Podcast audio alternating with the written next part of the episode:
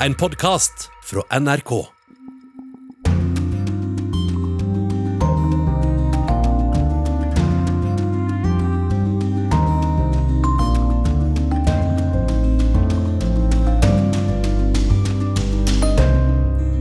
Trump-tilhengere stormet kongressbygningen i Washington DC onsdag. 64 år gamle Betsy Green var en av de som ville inn, men ble stoppet av dette. a lot of the people in the front line were coming back with bloody heads and their eyes they couldn't see they were you know they had been tear gassed the capitol police were beating the shit out of them Hvordan i alle dager går USA videre nå? Det spør vi to generasjoner amerikanere om. Og det er litt av noen oppgaver Norge har påtatt seg ansvaret for som ferskt medlem av FNs sikkerhetsråd. Lede arbeidet med å gjennomføre straffetiltak og sanksjoner mot terroristene i Al Qaida og Den islamske stat, og styre sanksjonskomiteen som forsøker å stanse Nord-Koreas atomvåpenprogram. Treg, treg vaksinering og vaksinemotstand. Slik takler Europa koronasmitten. Og historien om finanstoppen i Kina som denne uken ble dømt til døden for korrupsjon, er som hentet fra en spillefilm. Lei forteller at han hadde et hus som han kalte Supermarkedet. Med fulle bilen i kontanter kjørte han dit og lessa pengene inn i metallskap. Livet til fattige i Brasil blir stadig mer krevende. Jeg har gjort alt jeg kan for å oppdra mine barn til gode samfunnsborgere. Men én er skutt av politiet, én sitter i fengsel, og en av mine døtre er heroinmisbruker. Velkommen til Urix på lørdag med Anja Strøden i studio. Vi starter sendingen i USA, hvor Trump-tilhengere oppildnet av presidenten beleiret Kongressen på onsdag. Og nå har Trump bestemt seg for å ikke stille på innsettelsen av Joe Biden. Her er reaksjonen fra Joe Biden. One of the few things he and I have ever agreed on. It's a good thing I'm not showing up. Vi har med oss eh, to generasjoner amerikanere bosatt i Norge for å snakke om det som har skjedd i USA. Velkommen, Indigo Trygg Hauger. Takk. Du er 25 år, kommunikasjonsrådgiver ved fredsforskningsinstituttet PRIO og fra Washington State, men har bodd seks år i Norge. Og velkommen til deg også, Wenche Eriksen. Takk. Tidligere USA-korrespondent her i USA, og en stemme mange har hørt sikkert mange ganger her i Urix på lørdag. Til dere begge to helt kort her i starten. Hva tenkte dere da dere så mobben storme Kongressen på onsdag? Wenche, du er med på linje og kan ikke rekke opp hånden, så vi går til deg først. Ja, ja, jeg var sjokkert. Eh, jeg var skremt av det jeg så, men jeg var ikke minst forferdelig lei meg for at noe sånt kunne skje i USA eh, under en president som faktisk oppildnet til det som skjedde. Inigo Trygg Hauger, hva, hva tenkte du? Jeg var også veldig sjokkert, men jeg var ikke overrasket. Vi har jo en veldig lang historie av høyreekstremisme og terror i USA, helt fra borgerkrigen, KKK til Charlottesville. Og jeg tror Trump og sine politiske støttere, også politiet som var til stede, de har alle en del av medansvaret. Jeg har vært på mange demonstrasjoner i USA, bl.a. med Black Lives Matter. Jeg har aldri sett en mer medgjørlig politi før. Mm. Vi skal høre mer fra Betzy, som vi hørte i starten her, som deltok i demonstrasjonene. Men først la oss gå tilbake til onsdagen. The whole number of electors appointed to vote for President of the United States is 538. Within that whole number, a majority is 270. Klokka var blitt halv fire om morgenen før visepresident Mike Pence rolig og saklig kunne summere opp slik han skulle. The votes for President of the United States are as follows Joseph R. Biden Jr. of the state of Delaware has received 306 votes. Donald J. Trump of the state of Florida has received 232 votes. 306 valgmannsstemmer til Joseph R. Biden fra Delaware. 232 til Donald J. Trump fra Florida. The report we make is that Joe Biden and Kamala Harris will be the president and the vice president according to the ballots that have been given to us. Dermed var Joe Biden formelt godkjent av begge kamrene i Kongressen som USAs neste president, akkurat som forventa. Let us pray. Lord of our lives and sovereign of our beloved nation. Men da kapellanen i Senatet avslutta med en bønn, var det smertelig klart at dette hadde vært alt annet enn en vanlig kveld på Kapitol. We deplore the desecration of the United States Capitol building, the shedding of innocent blood, the loss of life, and the quagmire of dysfunction that threaten our democracy. Let's go! Let's go! 14 timer tidligere brast barrikadene rundt kongressbygningen. Vinduer ble knust, dører slått inn. Politiet ble overmanna av Trump-tilhengere som mener valget er stjålet fra dem. They don't get to steal it from us. They don't get to tell us we didn't see what we saw. The government did this to us. We were normal, good, law abiding citizens, and you guys did this to us. We want our country back. We are protesting for our freedom right now. That's the difference. En av dem satte seg i stolen til Mike Pence. En annen var kontorpulten til Nancy Pelosi. I den gedigne trappeoppgangen vaia et rødt flagg med 'Trump is my president' foran maleriene fra den gang USA sloss for sin uavhengighet. Are you proud of what happened here today? I'm absolutely uh, stand behind 100% what happened here today. 1000%. På amerikansk fjernsyn ble opptøyene forsvart av demonstranter på utsida, som insisterte på at de var fredelige og ute i et rettmessig ærend. I'm proud that the Patriots came out today to show their support for our president because he is, Donald Trump is our president. Well, I mean, but what does this achieve, this violence? Uh, Are we violent? There's no violence. You're wrong. There's been no violence. Men på innsida ble det funnet eksplosiver, og det ble avfyrt skudd. Minst fire mennesker skal ha mista livet. I know your pain. I know you're hurt. We had an election that was stolen from us. It was a landslide election, and everyone knows it, especially the other side. But you have to go home now. We have to have peace. Da Donald Trump omsider ba folk om å gå fredelig hjem, var det i beste fall med et brannslukkingsapparat i den ene hånda og mer tennvæske i den andre. Feel, go home go home. Now, we brought that to you because President Trump on the tape says to his supporters who are right now conducting an armed insurrection on the U.S. Capitol, he tells them to go home. But I also want to note that in that video, he lies about the election being stolen. Videobeskjeden fra presidenten ble på CNN møtt med et snøft, og noen er en unnskyldning for at de i det hele tatt kringkasta den. Today was a dark day in the history of the United States Capitol.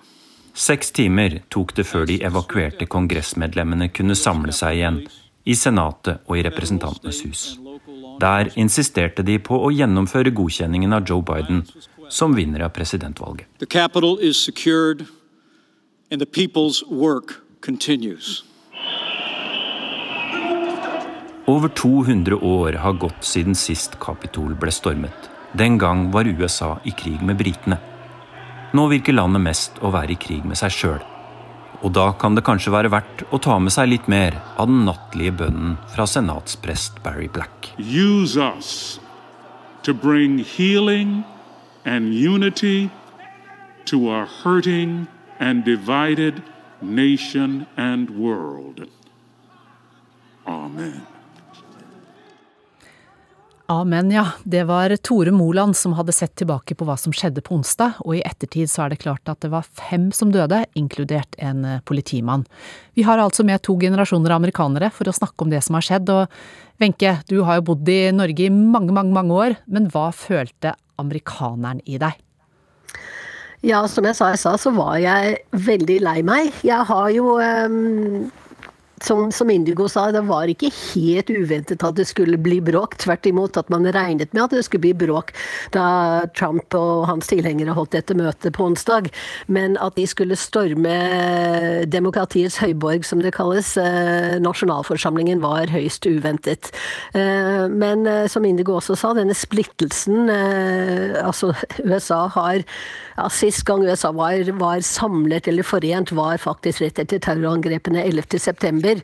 Så det er mer vanlig at det er strid og splittelse mellom grupperingene i USA, mellom folk, og, og nå har de vært Dette er jo egentlig snakk om klasseforskjeller. Hvis man kjører eh, vekk fra motorveien i USA og kjører på landsbygda i USA og, og i tidligere eh, forsteder i USA, så kan man ofte se eh, håpløsheten rett og slett blant folk. Og det er disse menneskene som har mistet jobbene sine, som har mistet den amerikanske drømmen, rett og slett. Den eksisterer ikke lenger for dem så kan du forstå hvorfor man setter sin lit til en som, som Trump.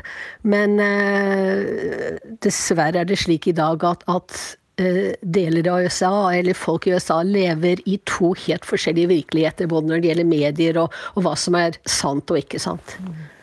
Inigo, hva sier dine unge venner i USA om det som har skjedd? Eh, jeg tror de har litt av det samme følelse som meg, at det er sjokkerende, men uh, ikke overraskende. De er veldig lei, akkurat som Wenche, og uh, det er enda verre, fordi de, de bor midt i det. Og vi, jeg har familie som støtter Trump, og jeg, jeg tør nesten ikke spørre hva de syns om dette, men det er sikkert bare mer og mer konspirasjonsteorier som, som de tror på. Um, så, så, det er veldig vanskelig å leve med det. Um, og jeg tror normer har endret seg så mye at nå har det vært veldig Det har blitt veldig akseptabelt å være veldig rasistisk um, og, og sier helt forferdelige ting. Helt åpenbart. Uh, det var folk som sikkert trodde på det før, men tør, turte ikke å si det. Ja, altså Etter valget i 2016 så, så, fant jeg ut at du skrev et innlegg i Aftenposten. Overskriften var 'I dag føler jeg en dyp skam på vegne av landet mitt, men også stolthet over i morgen'. Det var altså da Trump ble valgt i 2016. Hva var det håpet denne stoltheten skulle føre til? Ble det slik? Eh, ja, på en måte. Jeg tror vi, vi må ikke overse at Georgia fikk to ny demokratiske senatorer denne uken. Um, og det kan vi takke Stacey Abrams for. Og det var akkurat den type grasrotsarbeid som jeg snakket om når jeg skrev det innlegget. Samtidig syns jeg at splittelsene har bare blitt verre. Og det er veldig, veldig trist å se. Mm. Wenche, mm. Trump sa jo det blir en fredelig maktovergang, men kampen fortsetter. Hva er det han legger opp til da? Ja, Han legger opp til eh, mer av det samme, rett og slett. Eh, han ikke, ser ikke ut i hvert fall som om han hadde tenkt å, å gi seg med, med det, han gjør, det, han sier og gjør. Eh, han må finne andre plattformer, men det finner han sikkert. Han kan starte sitt eget medieselskap, sitt eget Twitter-selskap, eller hva vet jeg. Men altså, han har jo hans synspunkter har jo grobunn i denne misnøyen som så store deler av den amerikanske befolkningen eh, opplever. Og, og, det er ingenting som tyder på at det, det, blir noe bedre når han går av. Eh, man kunne kanskje, Jeg nevnte 9-11 eh, i mm. stad, at det var siste gang USA egentlig var samlet. Eh, I krisetider så samles folk. Eh, man skulle nesten tro under vanlige forhold at koronakrisen f.eks. kunne være noe som samlet folk. Men i dag så gjør det ikke det. Tvert imot. Eh, her har du den store splittelsen. Masker er blitt et politisk eh, eh, tegn. ikke sant? Bruker du maske, så er du demokrat. Bruker du ikke maske, så er du republikaner. Liksom sånne ting. Så heller ikke noe så alvorlig som koronakrisen kan samle folk i dag. For å forstå denne splittelsen så skal vi møte en av de som var med på demonstra demonstrasjonene på onsdag. Betzy Green heter hun, og kollega Tove Bjørgaas som har fulgt 64 år gamle Betzy Green sitt Trump-engasjement de siste årene. Hun ringte til henne sent i går kveld. Da var Betzy hjemme i en liten by nord i Pennsylvania.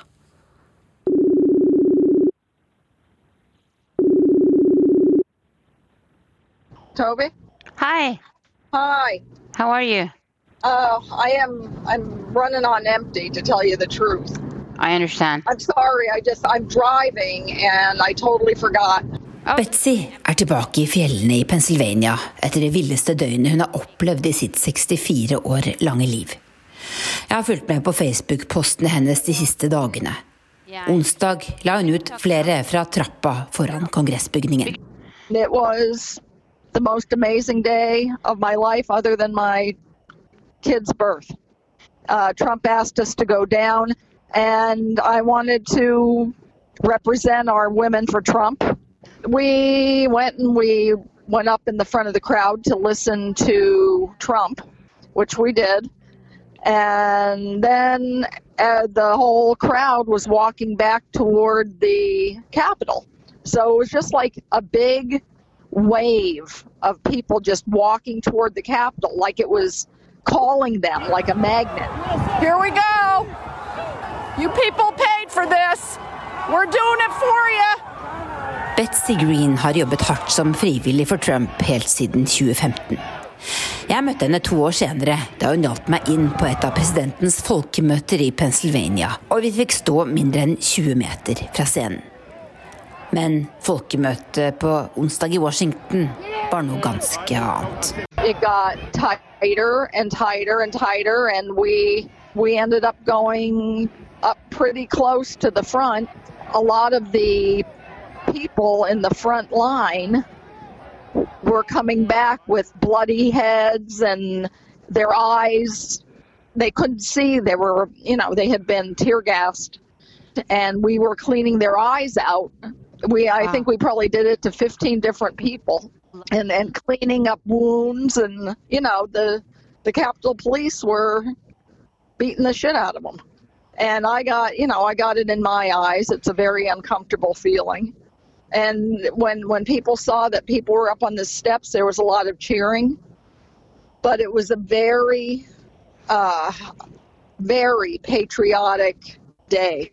Men hvorfor var det så viktig for deg å være med på, på dette, spør jeg. Betsy sier hun er overbevist om at valget bl.a. i Pennsylvania slett ikke ble vunnet av Joe Biden. Hun sammenligner det hun er med på med revolusjonskrigen i 1776. who wouldn't try to get that back who wouldn't try to make a statement what did they do in 1776 you try to stand your ground and save your country that's what we're doing You feel like it's like it's that kind of a of a of a moment, like like during the Revolutionary War. Yeah, I really do. I think I think we're so separated that even the Republicans are jumping ship like rats on a ship because they want their position, their money, they want to be, you know, with whoever's in charge. But you're calling yourself a patriot, um, and I thought that patriots like protected, for instance, the that the Capitol in Washington is kind of like uh, almost sacred, and you don't go in there and destroy sacred. things. But, but people is. went in there I'm and not destroyed saying I'm things. not- I'm totally not saying those people that did that are right. I wish they hadn't. I'm not. I don't back them on that. Flere kjente høyreekstremister og aktivister i QAnon-nettverket, som mener USA styres av et pedofilt nettverk, hadde nøye planlagt hvordan de skulle angripe kongressbygningen, ifølge New York Times.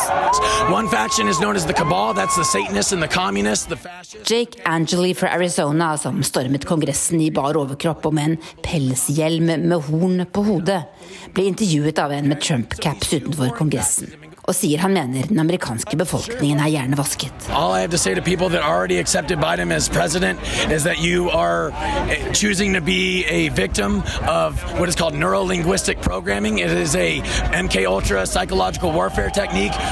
Betsy Green sier hun også egentlig ville inn i kongressbygningen.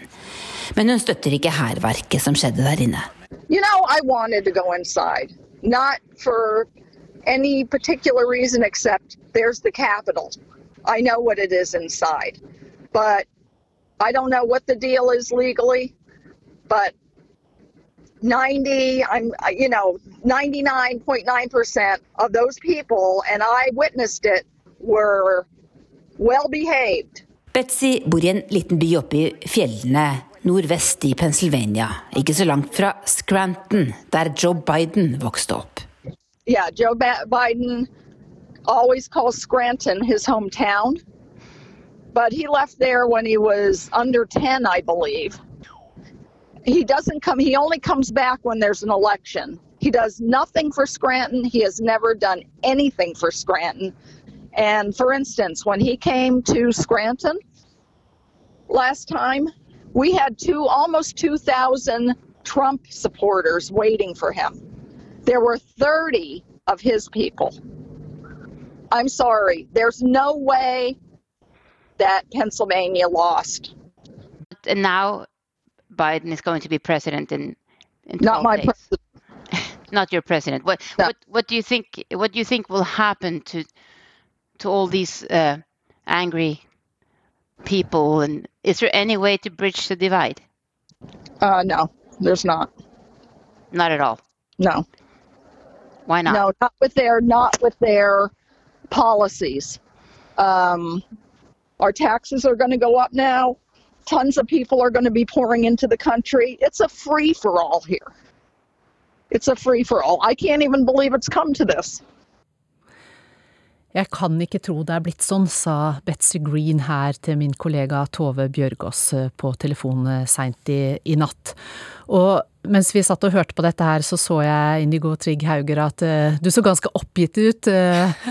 Det var nesten som ikke du trodde det du, det, det du hørte. Men altså, Betzy hun er jo en av mange, mange millioner som har stemt på Trump. Og, og representerer en av mange i USA.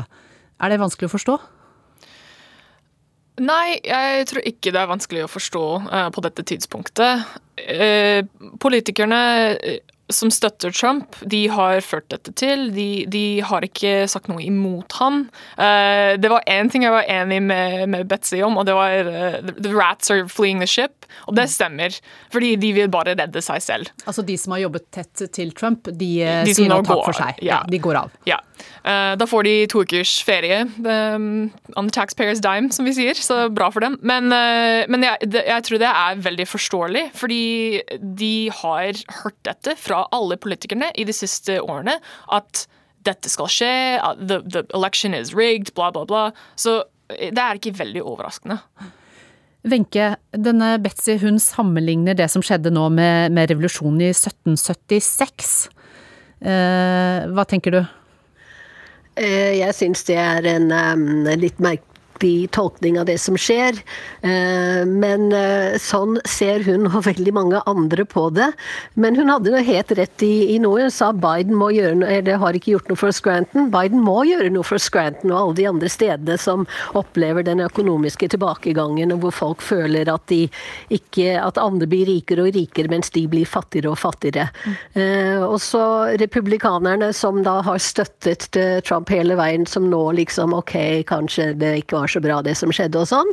Eh, shame on them, sier jeg, men, eh, men nå må, må kanskje Biden eh, gjøre det som han var kjent for da han var i Senatet, og det, det er å jobbe på tvers av partilinjene. Og det er Kanskje håpet for USA ligger i sentrum av politikken. Disse ikke ytterfløyene, ikke demokratene til helt til venstre som krever nå å, få mer å si Det demokratiske partiet, eller republikanerne som har støttet Trump eh, også nå. Men kanskje eh, håpet ligger i å, å finne felles løsninger i sentrum av politikken. Og Biden er en sentrumspolitiker, eh, og det er republikanere som også er det, så det er å håpe at noe kan skje der. Indigo? Eh, Når vi snakker om politikk i USA, jeg tror det er veldig viktig å peke på at sentrum i, i USA, det er, det er som, som Frp i Norge. Det er virkelig sånn. Demokratene, radikale demokratene, som de pleier å si, det er som Ap. Det er så ekstremt høyrerett uansett. Så å snakke om at han kan jobbe across the aisle, det er jo veldig viktig. Jeg er helt enig med deg, Wenche. Men jeg syns det er veldig skummelt å se hvor mye vi har beveget oss mot høyre. Og så hørte vi Betzy her si at nei, det er ikke noe å gjøre. Vi er, eh, vi er helt splittet. Og millioner mener som henne, som hvordan i alle dager da skape noe fellesskap. Det blir vel en stor utfordring for eh, Biden?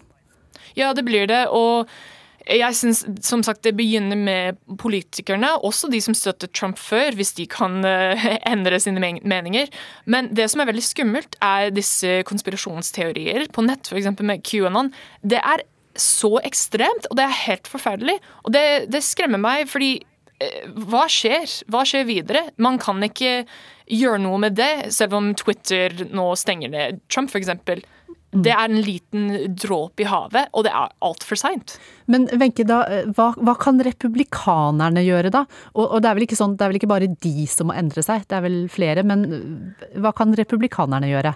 Ja, altså nå er de et parti som er helt Jeg vet ikke hva jeg skal si. De, de har støttet Trump i, i fire år, og, og, før det under valgkampen. Eh, de må ta et oppgjør eh, i seg selv, blant, seg, blant eh, sine egne medlemmer. Og, men det er jo velgerne som har valgt dem inn. ikke sant? Trump-støtten kom jo, begynte med Tea Party-bevegelsen. Uh, så det, det, som sagt, den splittelsen og denne mistroen mot Washington og politikerne er jo veldig gammel. Uh, men jeg tror fryktelig mange amerikanere er så lei dette bråket nå, og er lei seg, rett og slett, for det som skjedde på begge sider, altså både hos republikanere og demokrater, at jeg tror eh, nå får vi se om to år når det neste valget er, for det vil være den første pekepinn om, om, hvilken vei de egentlig vil at landet skal gå. Men eh, to år er lang tid i, i, mm. i, den situasjonen USA er i nå. Så vi får håpe at det fins krefter i midten som kan uh, vise styrke, og jeg er helt enig at det er, det er, veldig skremmende den høyreorienterte siden som, som, ser ut til å få mer og mer makt i USA nå, og som stormet uh, Kongressen på onsdag. Uh, men jeg har håper, jeg har det. USA har jo um, svingt fram og tilbake mange ganger. Så jeg vokste opp under uh, Vietnamkrigen, og, og, der var det også store motsetninger i samfunnet, men uh, noe bedre ble det etter hvert. Helt kort til slutt her, Indigo. Hvordan ser du fremtiden for USA? Jeg vet ikke. Jeg er så lei av å, å prøve å, å se i krystallballen. Jeg vet ikke. Det er forferdelig. Takk skal du ha, Indigo Trygg Hauger, også amerikaner, med eh, i denne sendingen. Og til deg, Wenche Eriksen, tidligere USA-korrespondent og mangeårig medarbeider her i NRK.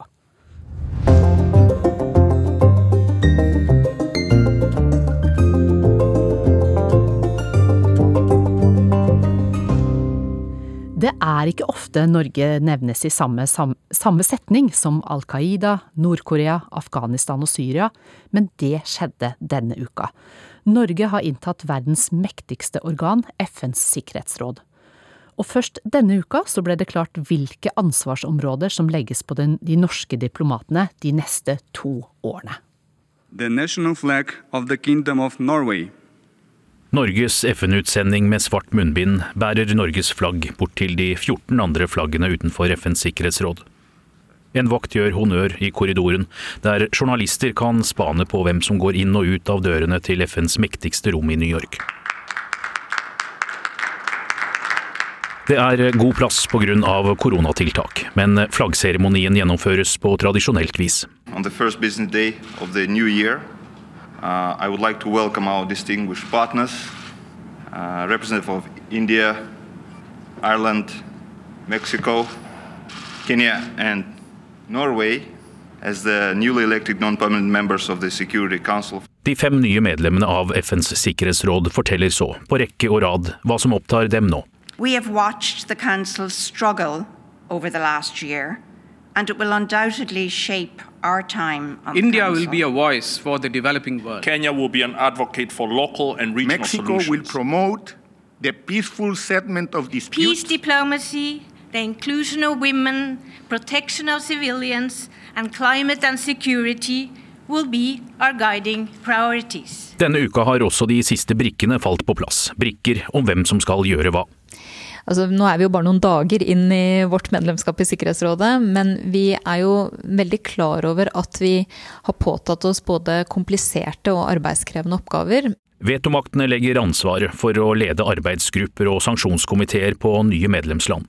Vanligvis blir arbeidsfordelingen klar på høstparten, men det tok tid denne gang, sier utenriksminister Ine Eriksen Søreide på en del områder så avhenger det også av landene som sitter i og kommer inn som valgte medlemmer i Sikkerhetsrådet, hvilke spesielle interesser de f.eks. har, og hva de er mest opptatt av. Så vi mener jo at vi gjennom det vi nå har gjort, både har vist eh, stor fleksibilitet, men ikke minst tatt på oss veldig arbeidskrevende oppgaver som vi er fullt ut beredt på å håndtere, men som vi også veit kommer til å bli krevende og komplekse. Tunge og omstridte konflikter havner på norske hender. Hvordan få humanitær hjelp over grensa til Syria, FNs oppdrag i Afghanistan, hvordan beskytte barn i væpnet konflikt. Lede arbeidet med å gjennomføre straffetiltak og sanksjoner mot terroristene i Al Qaida og Den islamske stat, og styre sanksjonskomiteen som forsøker å stanse Nord-Koreas atomvåpenprogram. Ja, Vi hadde jo en diskusjon allerede tidlig da man skulle begynne å fordele verv, om eh, hva vi kunne tenke oss å gjøre. Og det som har vært rettesnora vår hele veien, er at vi ønska komiteer der vi mente vi kunne bidra med noe gjennom den bakgrunnen vi har. Og det gjelder jo både sanksjonskomiteene, men ikke minst arbeidsgrupper og også penneførerskap, som er veldig viktig i Sikkerhetsrådet. Er du pennefører, så har du ansvaret for å bl.a. legge fram resolusjonsutkast og, og lede forhandlinger. Og det er klart at eh, vi mener at det vi nå har tatt på oss av oppgaver, treffer veldig godt både på den kompetansen vi har, interessefeltet, og ikke minst det vi mener vi kan bidra med inn i rådet.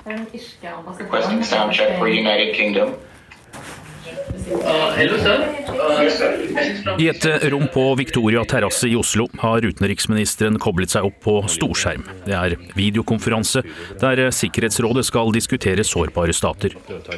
FNs tekniker jobber for å ha lyd og bilde klart fra alle som deltar. Skjermen er allerede fylt opp av statsledere, utenriksministre og FNs generalsekretær. Vi ser jo det at når alle nå sitter bak hver sin skjerm og deltar digitalt i møter, det er jo ikke bare jeg som gjør det, det gjør de andre landene også, så forsvinner jo mye av det som jo tidligere har vært litt av eh, limet i den type eh, møter. Eh, det at man snakker sammen i pausene, det at man kan forsøke å løse små og store problemer. Og det mange rapporterer fra ulike forhandlinger og ulike møtekontekster, ikke bare i Sikkerhetsrådet, det er jo at eh, partene lettere går eh, litt i hver sin grøft eh, og har mindre grunn til å forsøke å bli enige. Sånn at forhandlingsprosesser ser ut til å ta litt lengre tid og bli mer kompliserte, fordi man mister litt den menneskelige faktoren som, eh, som, vi ellers har. Og det er klart, Holder vi på lenge på den måten, så kan jo en del ting bli vanskeligere å løse, med mindre vi da finner eh, bedre måter å, å jobbe sammen på etter hvert. In presiding over this first meeting of the Council in 2021, i am happy to welcome the new members. Det er vi jo fullstendig klar over, at i mange av de situasjonene Sikkerhetsrådet har på sitt bord, så er eh, den politiske situasjonen såpass komplisert at det er lite realistisk å få til store ting. Men det kan være veldig realistisk å klare å videreføre en del av det arbeidet som skjer i dag.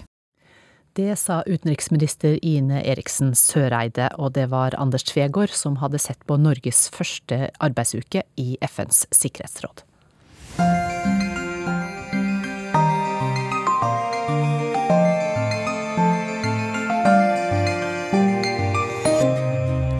Denne uken så har helsearbeidere i land etter land brettet opp ermer og gitt vaksine mot koronaviruset.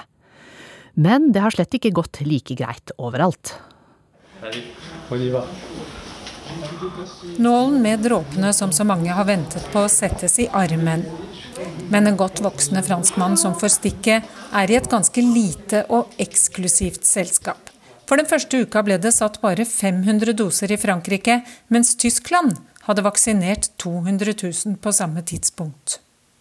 Tom Holta Heide er oversetter og har bodd i franske Bretagne i 40 år. Nei, Det er en uh, stor uh, frustrasjon, uh, vil jeg si. altså Paradoksalt så er det jo et flertall av franskmenn som er usikre på om de vil la seg vaksinere. Og dette er jo forsterket også av en noe vaklende strategi fra regjeringens side. Han venter på vaksinen både for egen del og for svigermor, som er 88 år gammel. Men hvorfor har det tatt så lang tid? Og det i et av landene i Europa som har vært kraftig rammet av pandemien? Først skulle det være eh, et skriftlig samtykke som kunne tas tilbake etter fem dager. Og man skulle begynne da med alders- og pleiehjem.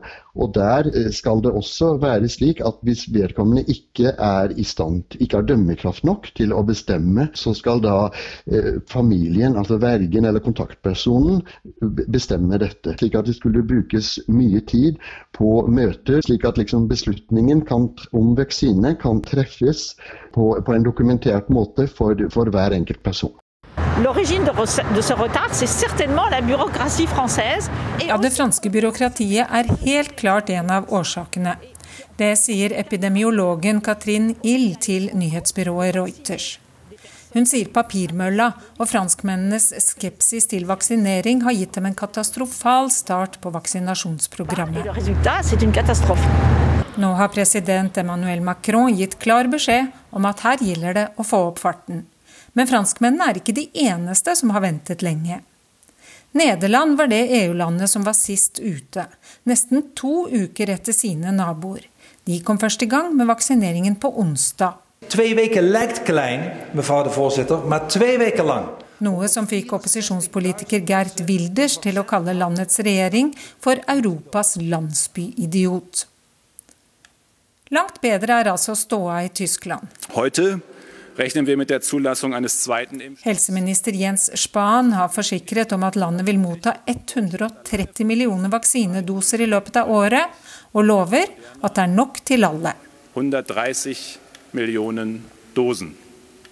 I Spania er det store forskjeller fra region til region. Mens Austoria hadde brukt opp alle sine doser, var bare litt over 5% delt ut i Madrid. Storbritannia var først ute i Europa, og over halvannen million briter har nå fått. Og helt på slutten av uka kunne Danmark skryte av at ingen hadde vaksinert en større andel av befolkningen enn det de har gjort. Hos våre naboer i sør har 1% fått det beskyttende sprøytestikket. I går ble det kjent at EU inngår en avtale om å kjøpe 300 millioner ekstra doser av Pfizer-vaksinen. An amount of doses that we need to vaccinate 380 million Europeans. And this is more than 80% of the European population. EU-kommisjonens leder Ursula von der Leyen mener Europa nå er godt forberedt. På slutten av uka kom også Frankrike i gang med dette arbeidet, og nå har noen titusener fått sin første dose. Hjemme i Bretagne venter den 88 år gamle svigermoren til Tom Holte Heide fremdeles på sin tur. Som den yngste av tolv søsken har hun aldri vært stort alene, og familien fant en kreativ løsning på besøksforbudet. Vi sto utenfor vinduet Eh, på pleiehjemmet og snakket med henne på den måten. Hun åpnet vinduet, og, og det etter uh, ti dager så endte det med en forferdelig utskjelling, for de hadde hatt uh, covid på hjemmet. Og, og, det skulle de ikke ha mer av, og dette var helt, helt uakseptabelt. Så nå er bestemor hentet hjem, og får vente på vaksinen sin der. Det fortalte Marit Kolberg. Og selv om vaksineringen er i gang, så er det ingen grunn til å slappe av med hensyn til eh, smittefaren i Europa. Ordføreren i London han erklærer krisetilstand pga. det overbelastede helsevesenet, og i går så ble det registrert rekordmange koronadødsfall i Tyskland. Halvard Sandberg, du følger jo med på denne pandemien eh, veldig tett. Hvordan vil du beskrive situasjonen i Europa nå? Ganske så, ganske så, ganske så dårlig, og det ligger an til at det blir verre.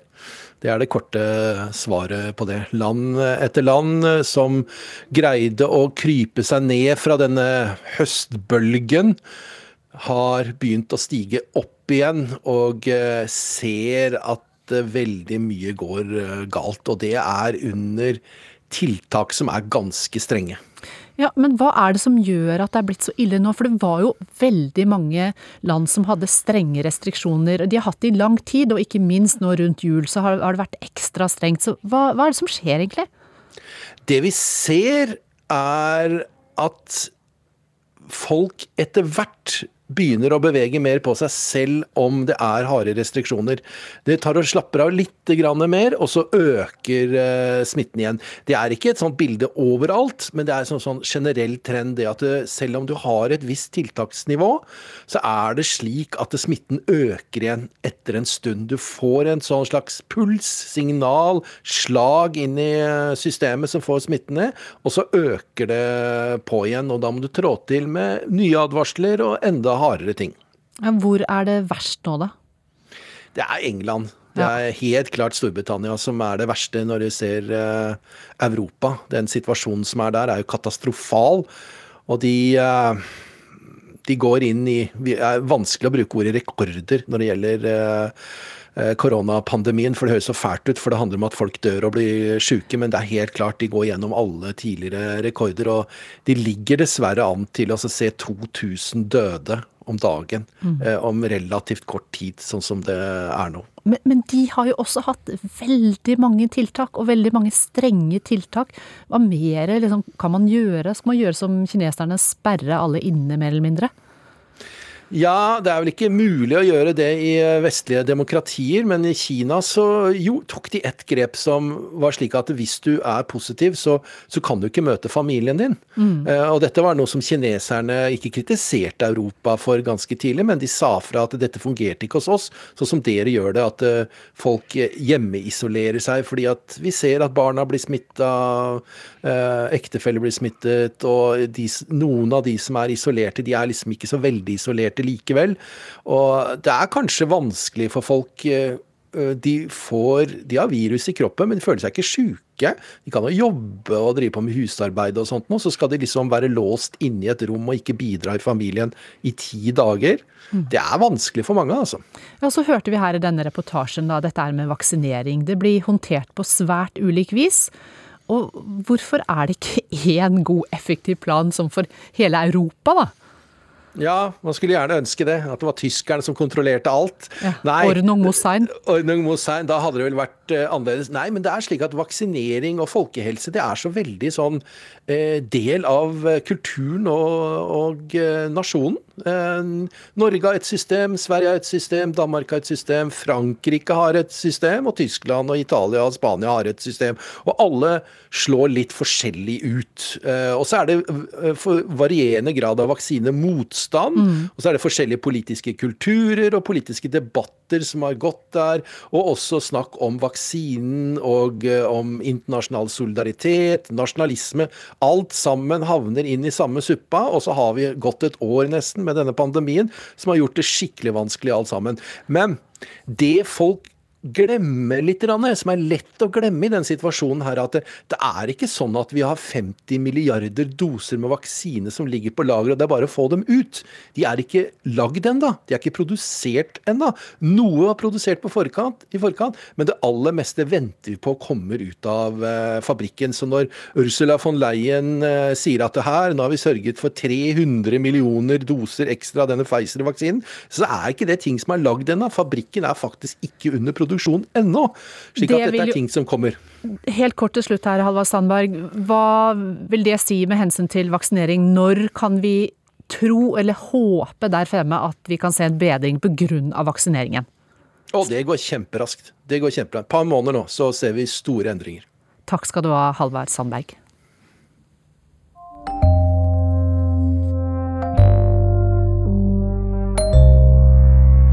Denne uka så ble en av Kinas største finanskonger funnet skyldig i å motta bestikkelser, underslag av offentlige midler og for bigami. En lang rekke offentlige tjenestemenn og forretningsledere i Kina har fått lange fengselsstraffer av presidenten i krigen mot korrupsjon. Millioner er blitt gransket, men 58-åringen som ble dømt for den, denne uken, er den første på mange tiår som er dømt til døden for korrupsjon. 拿了就就往那一放， 就像经常会去超市嘛，就是把这个名字叫超市，就在里面铁柜里，有铁皮柜。Dette er ordene til Lai Xiaomin, finanskongen som denne veka ble dømt til døden for korrupsjon her i Kina. Historien hans er som tatt fra en spillefilm. Lai forteller at han hadde et hus som han kalte Supermarkedet. Med fulle bilen i kontanter kjørte han dit og lessa pengene inn i metallskap. Så kjørte han et par ganger rundt kvartalet for å være sikker på at ingen fulgte etter.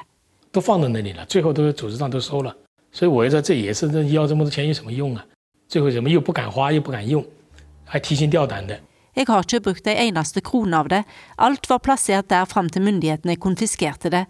Så hva skulle jeg med alle disse pengene? Jeg brydde meg ikke om å bruke dem, jeg turde det ikke heller, det ga meg bare masse bekymringer. Lai Xiaomin ville spare all rikdommen til sine unger, men nå er han ille ute. Dødsstraff er ikke til å spøke med, selv om han kan prøve seg på ei anke. Det var ikke bare 200 millioner kinesiske yuan de fant da de granska Lai. Kontantene lå i store stabler som i pengebingen til onkel Skrue.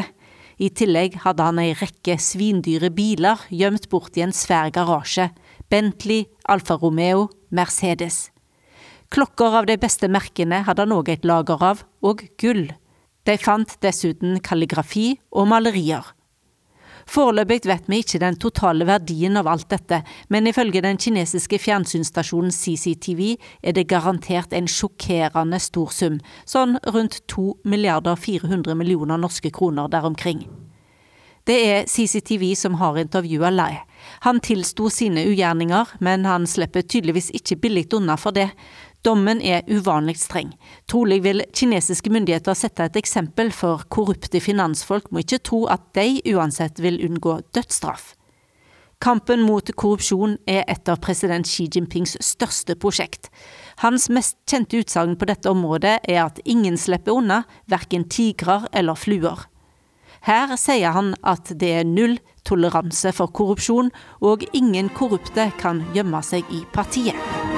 我们要以顽强的意志品质，坚持零容忍的态度不变，做到有案必查、有腐必惩，让腐败分子在党内没有任何藏身之地。Noen hevder at Kinas president òg bruker kampen mot korrupsjon for å kvitte seg med politiske motstandere, men det gjelder neppe finanskongen Lei. Noen mener at han blir ofra som eksempel fordi han ikke har gode nok kontakter på høyeste hold i det kinesiske kommunistpartiet. Uansett er hans forbrytelse alvorlig. Ingen har blitt dømt for å ta imot bestikkinger for så store summer som denne finanskongen de siste 72 åra i Kina. Lai er en smart person. Derfor fikk han ansvaret for å hjelpe statseide firma som måtte kvitte seg med lån de ikke klarte å betale. Han ble sjef for det statlige finansforvaltningsselskapet Huarong. 赖小民他本人呢，从内心是排斥党的领导。Han gjorde selskapet Huarong til en familiebedrift der han styrte det hele, og således snodde seg unna ethvert forsøk på rettleding, forteller Li Zhonghua, som er visedirektør i den sentrale disiplinære komiteen, og derfor var med på granskinga av Lai. 就是内部、外部的监督全部都失效。 Finanskongen gjorde suksess, og med det kom tillit. Men mye ville ha mer, og så begynte han å ta større og større sjanser, utvide virksomheten mer og mer, skaffe det ene huset etter det andre, elskerinner i fleng og flere koner. Domstolen kaller Lai lovløs og ekstremt grådig. I ti år skal han ha tatt imot bestikkelser før han ble tatt i 2018. I finansverdenen har det med penger å gjøre hver eneste dag. Folk vi var i kontakt med snakker om hundrevis av millioner eller flere titalls milliarder. Det å bestikke meg litt var for deg bare som en bagatell å regne, sier Lai. Det sa Asia-korrespondent Kjersti Strømmen.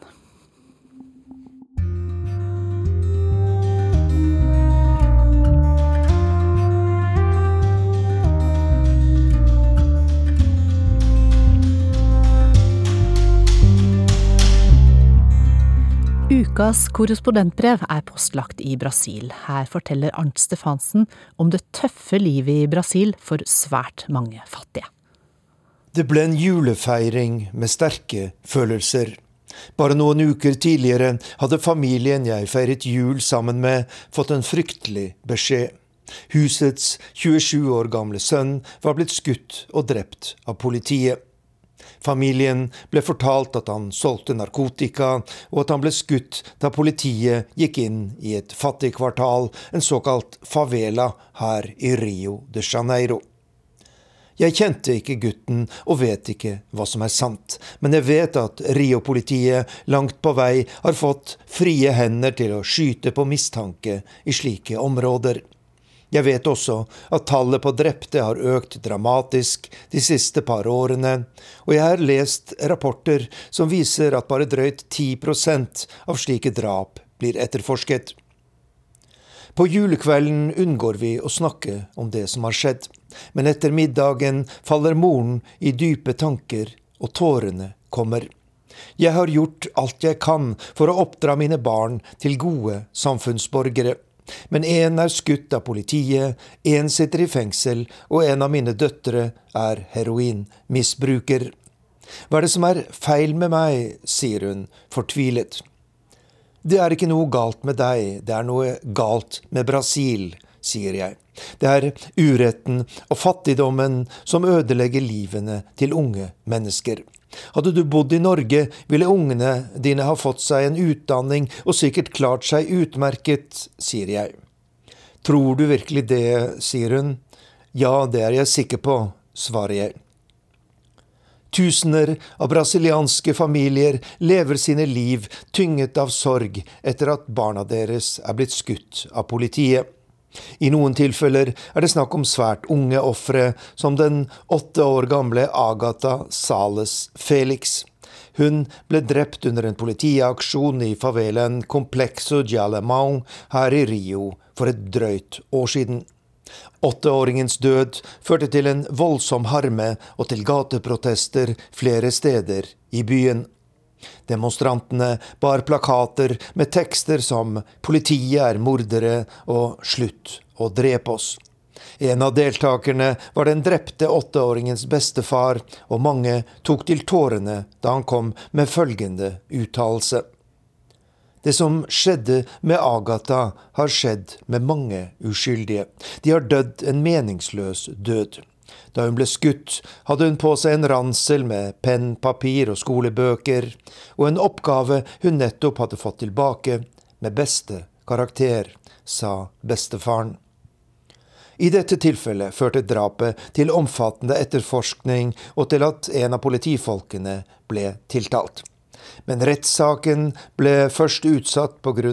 koronapandemien, deretter pga. at den tiltalte ble smittet med covid-19. Nå er saken berammet til april i år.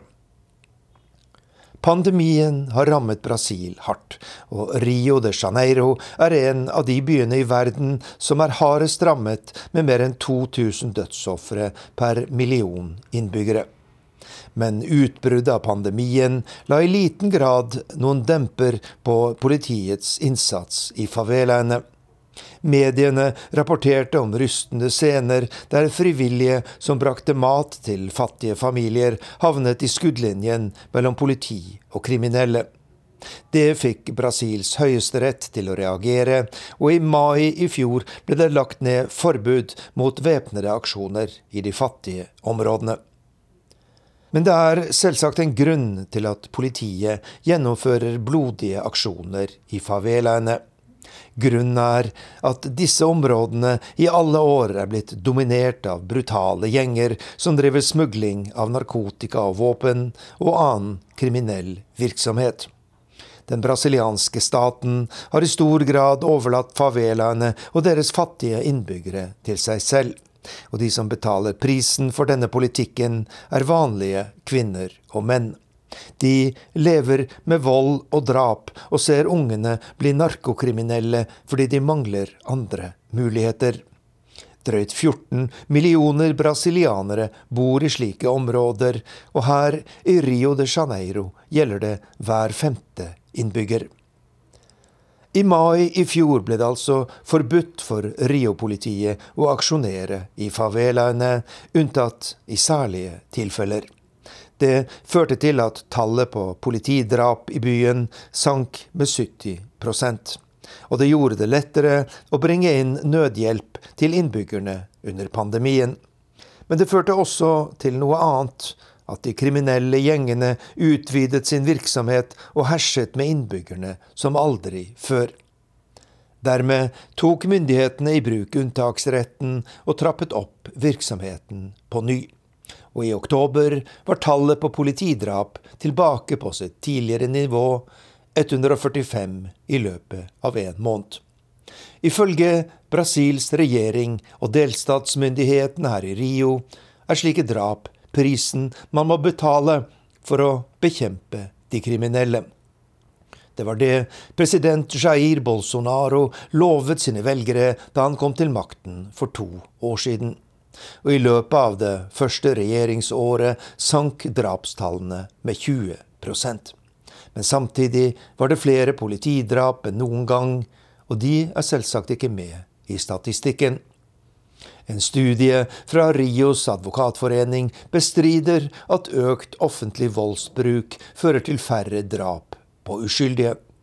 Årsaken til synkende drapstall er bedre etterforskning og organisering av politiet, i tillegg til mindre innbyrdes strid mellom narkobandene, ifølge rapporten. Volden og uretten her i Brasil har mange ansikter.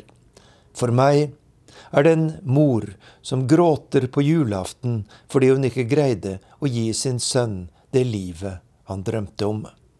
Noen uker før jul så hun ham for siste gang, gjennomhullet av kuler på et likhus her i Rio de Janeiro.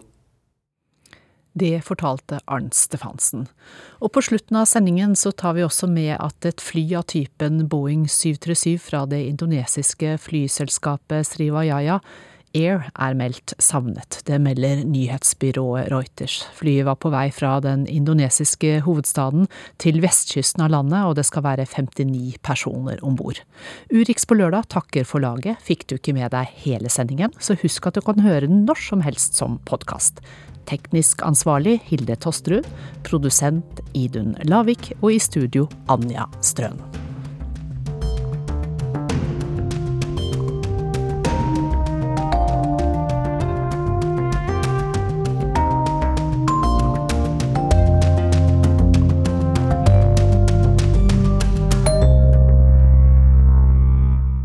Du har hørt en podkast fra NRK. Hør flere podkaster og din favorittkanal i appen NRK Radio.